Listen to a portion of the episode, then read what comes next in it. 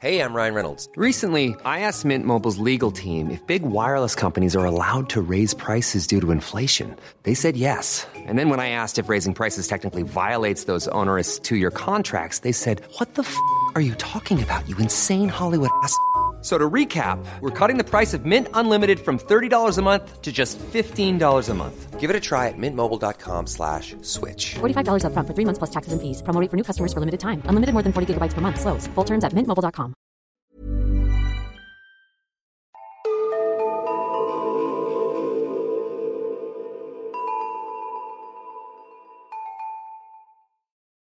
Hej och välkomna till Nära ögat, en true crime-podd för mesar. Mitt namn är Alexandra Kensdottir. Och jag heter Amelia Ingman.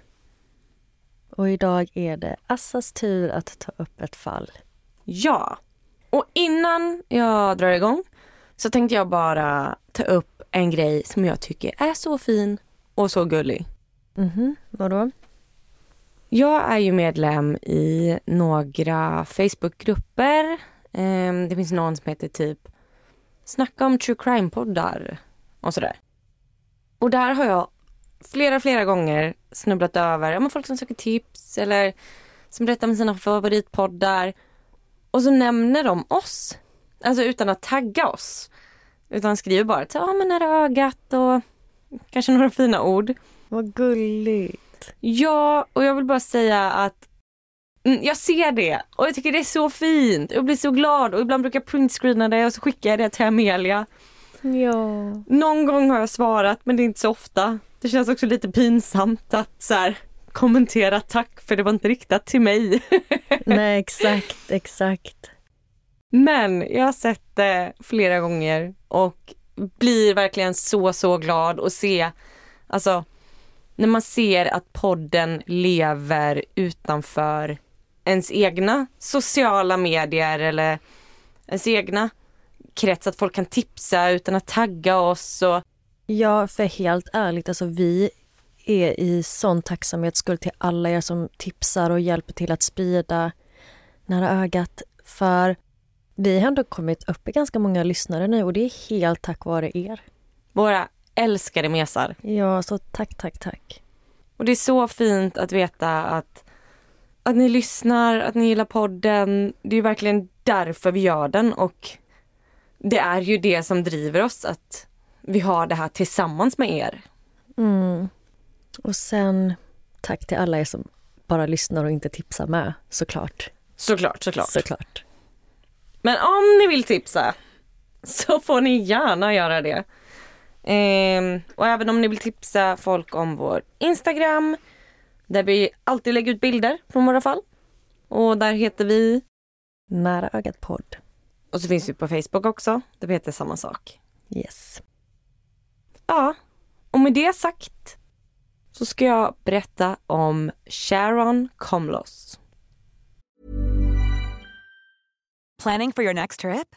Elevate your travel style with Quince. Quince has all the jet setting essentials you'll want for your next getaway, like European linen, premium luggage options, buttery soft Italian leather bags, and so much more. And is all priced at 50 to 80% less than similar brands. Plus, Quince only works with factories that use safe and ethical manufacturing practices. Pack your bags with high-quality essentials you'll be wearing for vacations to come with Quince. Go to quince.com slash pack for free shipping and 365-day returns. Hey, it's Ryan Reynolds, and I'm here with Keith, co star of my upcoming film, If, only in theaters, May 17th. Do you want to tell people the big news? All right, I'll do it. Sign up now and you'll get unlimited for $15 a month in six months of Paramount Plus Essential Plan on us. mintmobile.com slash switch. Upfront payment of $45 equivalent to $15 per month. Unlimited over 40 gigabytes per month. Face lower speeds. Videos at 480p. Active Mint customers by 531.24 get six months of Paramount Plus Essential Plan. Auto renews after six months. Offer ends May 31st, 2024. Separate Paramount Plus registration required. Terms and conditions apply if rated PG.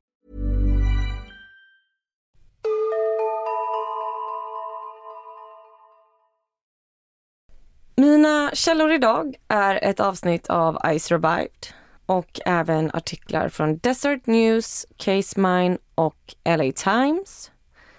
Och Sharon Komlos, som jag ska berätta om idag, hon har också skrivit en bok. Men den verkar helt omöjlig att få tag i. Men den heter i alla fall Feel the Laughter. I maj 1980, ungefär klockan 11 på kvällen, så kör Sharon hem efter en väldigt trevlig middag med sina vänner. Hon ska köra hem till sin lägenhet i Coco Raton i Florida i USA. Och hon kör längs med Sample Road. Och bakom henne så kör en bil och Sharon reagerar på att eh, det är bara den ena lampan på bilen som fungerar och den har hellyse på. Så Sharon blir bländad i backspegeln och blir lite irriterad. Så hon saktar ner och vill att bilen ska köra om henne. Så hon ska slippa ha hellyset i backspegeln. Och bilen börjar köra om henne. Men efter ett tag så märker hon att bilen kör bredvid henne istället för att köra om. Och det dröjer inte länge innan hon hör en smäll. Och det är som att någonting bara lyser upp och sen blir det mörkt. Hon känner ett tryck som gör att hon trycks bort från fönstret mot passagerarsätet. Och sen så känner hon värmen från blod som rinner ner för ansiktet. Allt är svart och hon kan inte se någonting alls. Sharon har alltså blivit skjuten i ansiktet av någon i bilen som skulle köra om. Det här är... Vad, va? Jag förstod inte alls att det var det som hände. Jag trodde typ hon krockade eller någonting. Nej, alltså en väldigt pang bom på den här historien. Men den här bilen som irriterat henne kör, bredvid, kör upp bredvid henne och sen så blir hon skjuten i ansiktet. Så sjukt. Mm. Helt oprovocerat. Man bara hundra frågor men jag vet ju att du kommer besvara allt. Bara, bara, vem är han? Känner de varandra? Vad händer? Vi får se om du får svar på de här frågorna. Och när detta händer så kör Sharon runt 75 kilometer i timmen. Så hon inser att hon måste stanna bilen. Hon lyckas få bort foten från gasen och hon trycker till bromsen. Och hon rattar sakta in mot höger. Och trots att hon inte kan se någonting alls så lyckas hon stanna bilen sakta och säkert längs med sidan av vägen. Hon lägger sig på tutan för att någon ska komma dit och hjälpa henne. I och med att hon inte ser någonting så är hon helt hjälplös. Och det här är också 1980, så det finns ju ingen mobiltelefon eller liknande. Efter hon har legat på tutan en kort stund så hör hon en mans röst. Han tar bort hennes händer från ratten och uttrycker herregud, vad har hänt? Vem har gjort det här? Jag ska hjälpa dig och ta dig till sjukhus. Sharon kan som sagt inte se något. Men hon hör att den här mannen har lite panik i rösten när han ser henne. Och han vill ju hjälpa henne till sjukhus. Hon måste få hjälp snabbt. Hon blöder kraftigt från ansiktet. Och hon är glad över att någon stannat överhuvudtaget. Mannen öppnar dörren, han hjälper Sharon ur bilen han lyfter upp henne över axeln och bär försiktigt bort henne till sin egen bil. Han berättar att han arbetar inom vården och han säger till henne att det är viktigt att hon slappnar av då sår i huvudet blöder väldigt mycket. Och han ska köra henne direkt till sjukhus. Mannen är väldigt trevlig och försöker hålla henne lugn. Mannen stannar bilen när de är utanför sjukhuset. Han hjälper henne från bilen in i byggnaden. Och han öppnar en dörr och de går in. Och Sharon berättar hur hela känslan förändras på en sekund. Hon har känt sig säker hela tiden tills hon kommer in i den här byggnaden. För direkt när han öppnar dörren så knuffar han in henne så hon ramlar ner på en madrass. Hon är inte på sjukhuset. Åh, hemskt. Hon måste känna sig så hjälplös.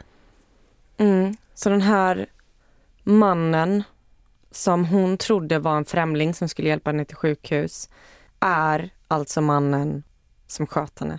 Mm. Och anledningen till att hon inte kan se, är det för att hon har blod i ögonen eller har äh, skottet liksom påverkat hennes syn? Jag kommer gå mer in på skadan sen, men hon kan inte se på grund av skadan. Sharon har alltså ingen aning om vart hon är, vem den här mannen är, vad han vill. Och det enda hon kan tänka på det är att hon måste kämpa varenda sekund för att hålla sig vid liv. Hon ligger på en madrass på golvet. Och i och med att hon inte ser någonting så känns detta såklart extra obehagligt. Och helt plötsligt så kommer en kudde ner över hennes ansikte. Sharon får inte luft. Och det enda hon kan tänka på är att hon måste överleva en sekund till. Det enda hon vill är att kunna ta ett andetag. Men det går inte för att han trycker den här kudden mot henne. Och hon inser att hon har klackar på sig. Så hon sträcker ner ena handen till spännet på skon, knäpper av den samtidigt som han då kväver henne. Och hon tar skon, vänder på klacken så att klacken är mot honom och sen börjar hon slå honom allt vad hon har med klacken. Och det är effektivt. Mannen tappar taget om kudden och Sharon lyckas skjuta under en hand under kudden och få bort den från munnen och ta ett andetag. Och hon ropar då, vänta lite, vänta lite. Och han frågar, vad är det för fel? Och hon säger då, du kväver mig. Jag kan inte andas. Och då svarar han, oj förlåt. Och tar bort kudden. Okej. Okay. Och Sharon blir ju precis som du helt chockad över att det här fungerar. Att han tar till sig hennes ord. Och hon vet ju inte heller hur länge det här kommer fungera. Men så att hon försöker hela tiden vara väldigt tydlig med honom. Och hon kan ju fortfarande inte se något. Men hon hör hur han går runt i rummet helt tyst. Hon hör hur det är en tv i bakgrunden. Och sen så hör hon hur hans steg går fram till henne och då börjar han ta av hennes kläder. Och Sharon kan knappt tro att det här händer, men mannen våldtar henne. Efteråt så känner Sharon något kallt. Först mot halsen och sen mot bröstet. Men hon är helt tyst och även han är helt tyst. Det visar sig vara en kniv. Så han knivhugger henne två gånger. Och sen tar han kniven och skär henne längst med hela kroppen. Sharon känner ingenting på grund av adrenalinet. Men hon känner trycket av vart det händer och att det sen blir varmt och blött. Och sen blir hon kall. Hon skakar helt okontrollerat. Och i och med att hon inte ser någonting så är, det enda hon kan göra att lyssna.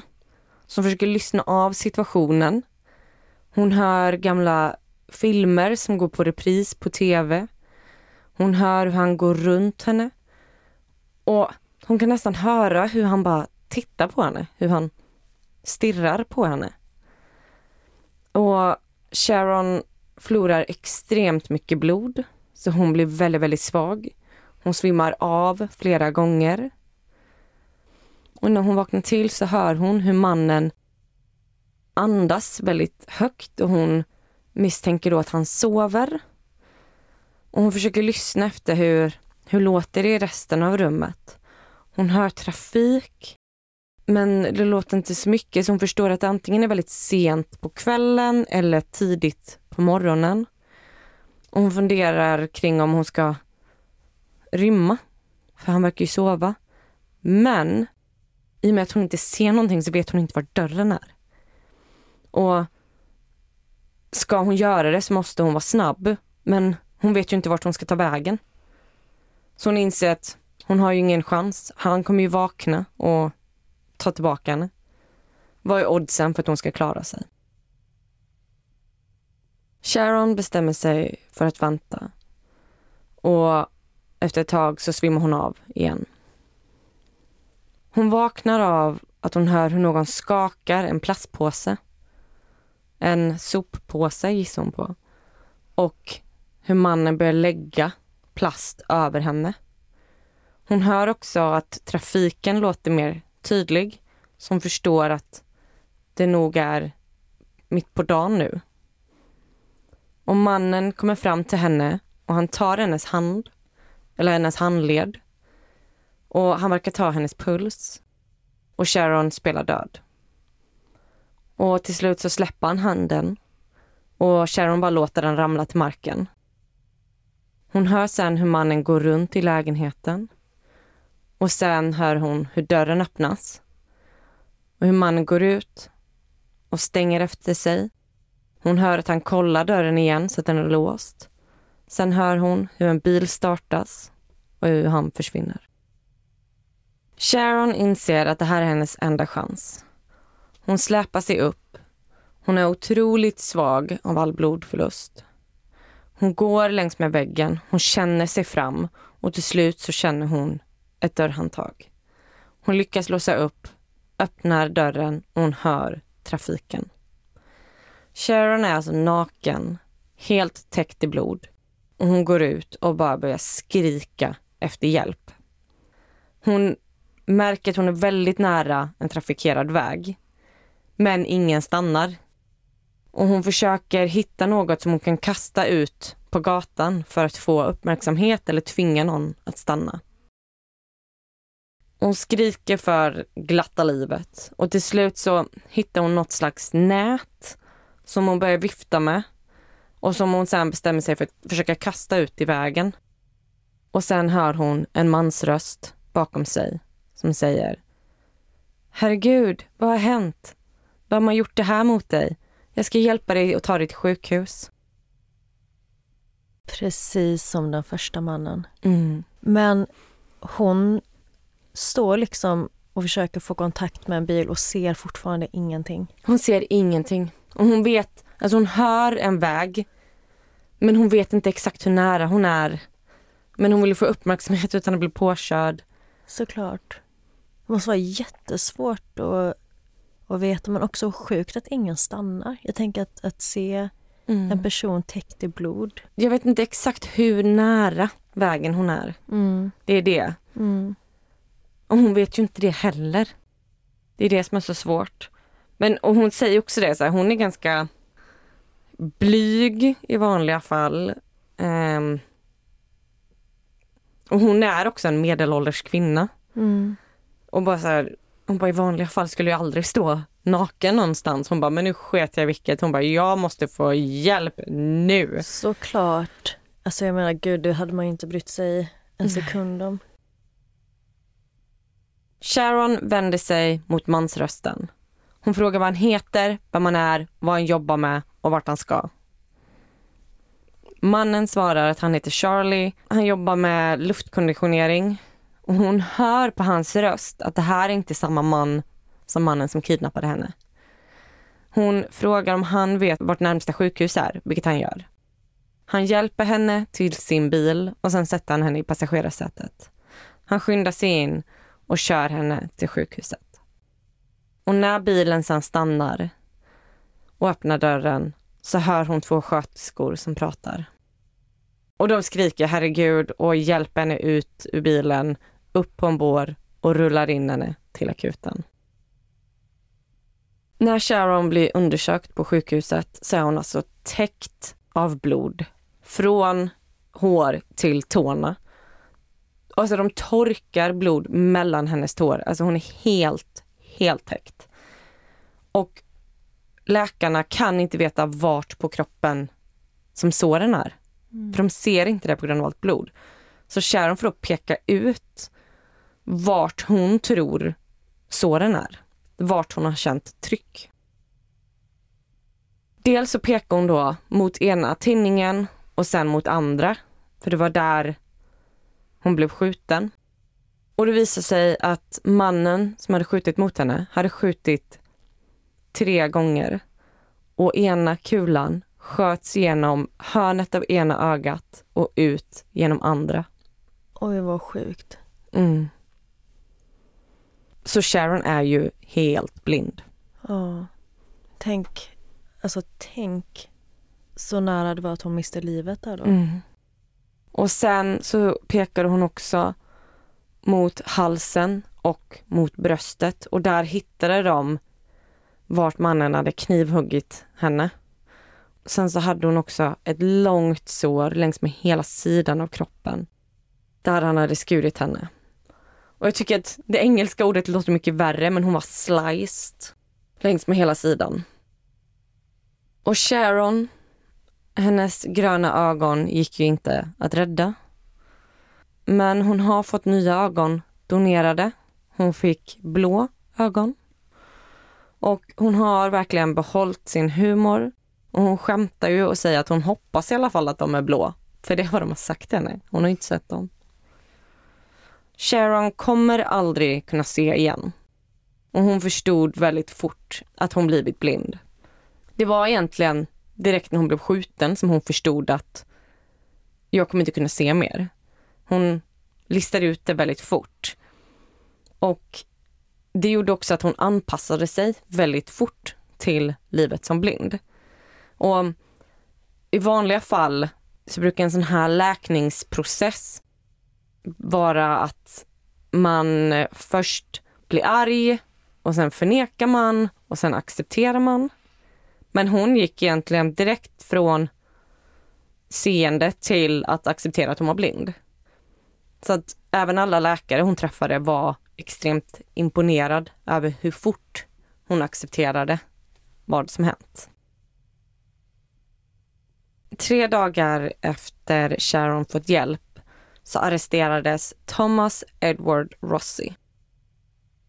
Polisen hittade bland annat Sharons blodiga kläder i bagaget på hans bil. Och han blev dömd till 104 års fängelse.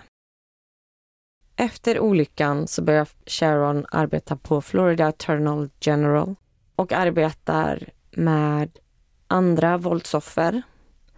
Och 1985 så fick hon priset Victim Services Award av dåvarande president George H.W. Bush.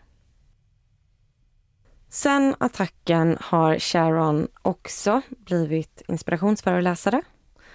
Och hon har exempelvis varit på Oprah och tyvärr kunde jag inte hitta det avsnittet då det här var väldigt länge sedan. Men vart hon än reser och vart hon än åker så försöker hon alltid stanna på självhjälpsgrupper för att prata med folk och för att inspirera folk. Och hennes motto i livet är att man ska behandla andra som man själv vill bli behandlad. Man ska lära sig av sina misstag, behålla sin humor och alltid leta efter lycka. Och hon överlevde för att den här mannen hade redan tagit tillräckligt och han skulle inte få ta något mer från henne. Sharon genomgick en skilsmässa några månader efter olyckan. Hennes man letar efter sin lycka. Och om man inte kunde hitta den hos henne eller hos deras familj så var han tvungen att hitta den någon annanstans. Idag är Sharon varken arg eller bitter över vad som hände. Hon tittar inte tillbaka särskilt mycket på vad som hände henne. För Sharon vill inte ge den här mannen mer tid. Han har redan tagit så många timmar från henne så att hon väljer att fokusera sin tid på det som händer nu. Och hon har även utvecklat en mini-elpistol som kvinnor kan ha i nyckelringen för att skydda sig mot förövare. Och själva uppfinningen kallar hon för Myotron. Och den skickar elstötar som är starka nog för att göra någon medvetslös men inte för att döda någon. Vilket då skulle ge kvinnor tid att fly om de blir utsatta för attack. Och um, den här mannen, Thomas Edward Rossi, han dömdes då för kidnappning, våldtäkt och mordförsök. Och det visade sig även att han tio år tidigare, 21 augusti 1970, hade kört på en kvinna som cyklade i New Palt i New York. Och även där hade han sen kommit fram till henne och låtsats som att han ska köra henne till sjukhuset. Och då hade han tagit henne till en skog, våldtagit henne och flytt.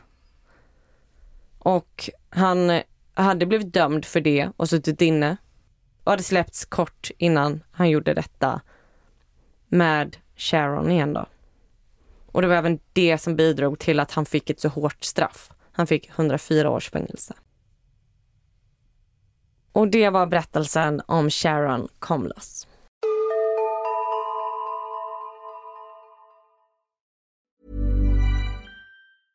Hey, it's Paige DeSorbo from Giggly Squad. High quality fashion without the price tag. Say hello to Quince.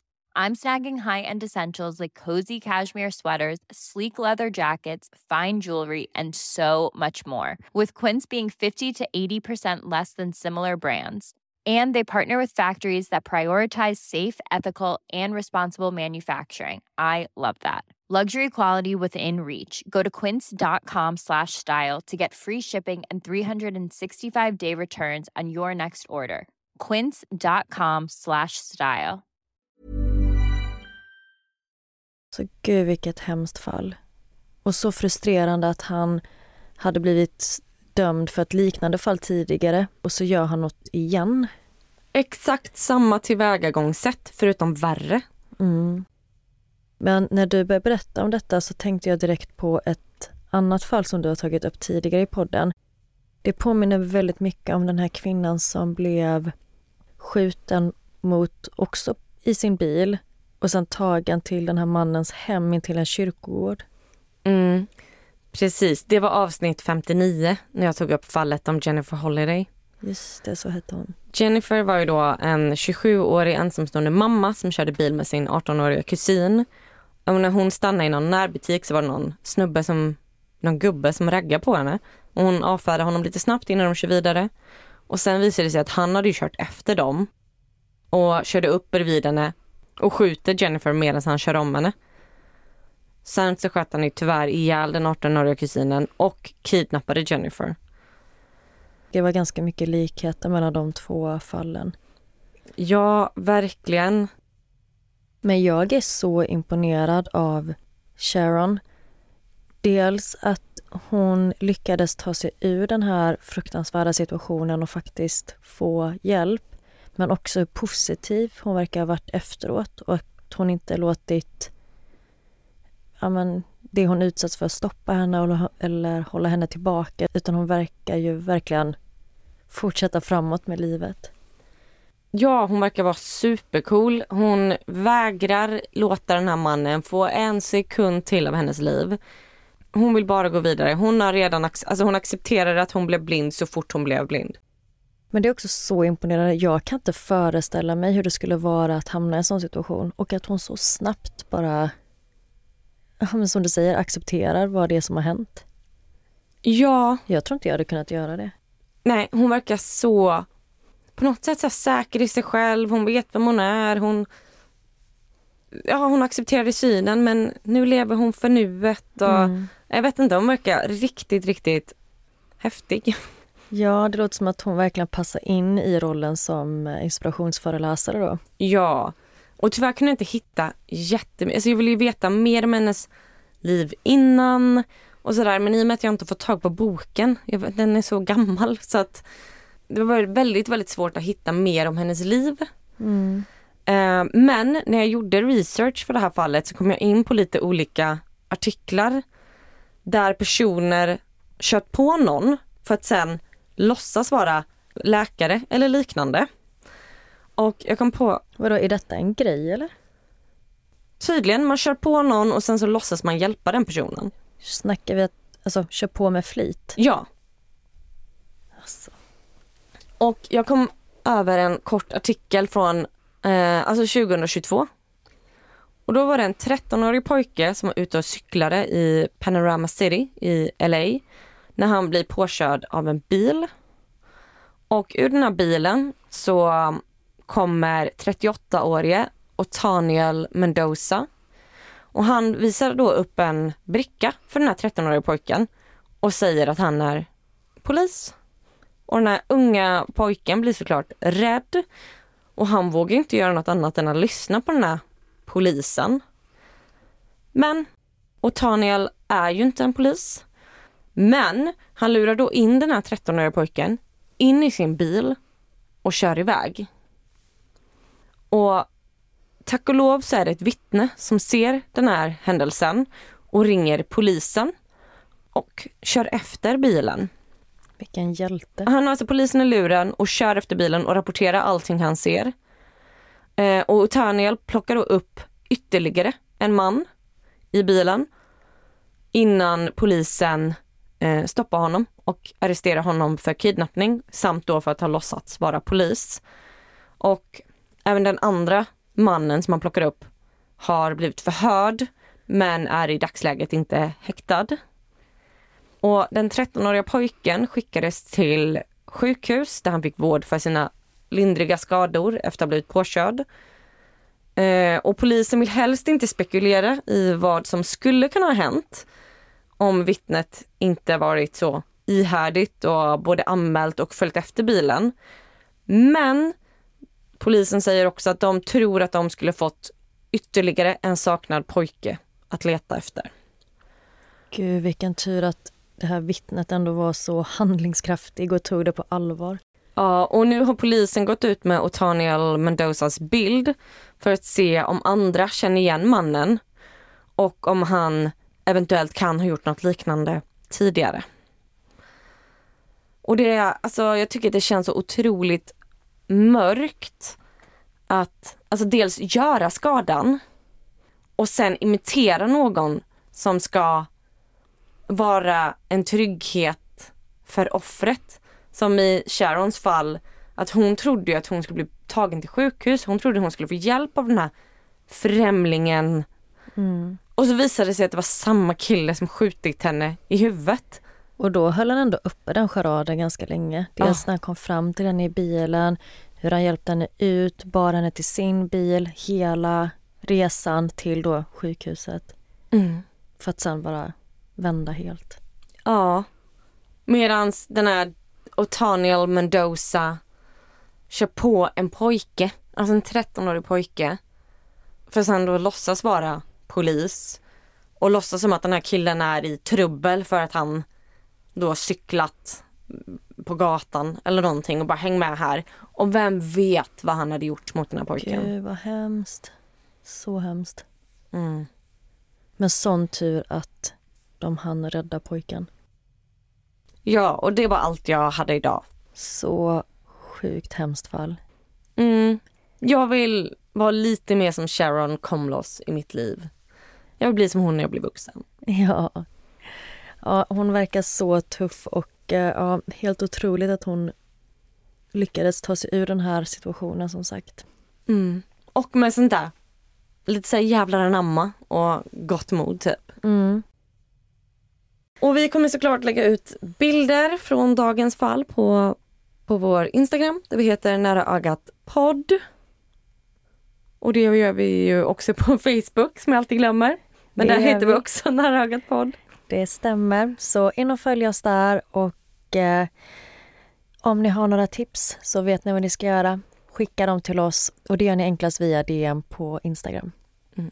Ha det fint så hörs vi nästa vecka. Det gör vi. Hej då. Hallå.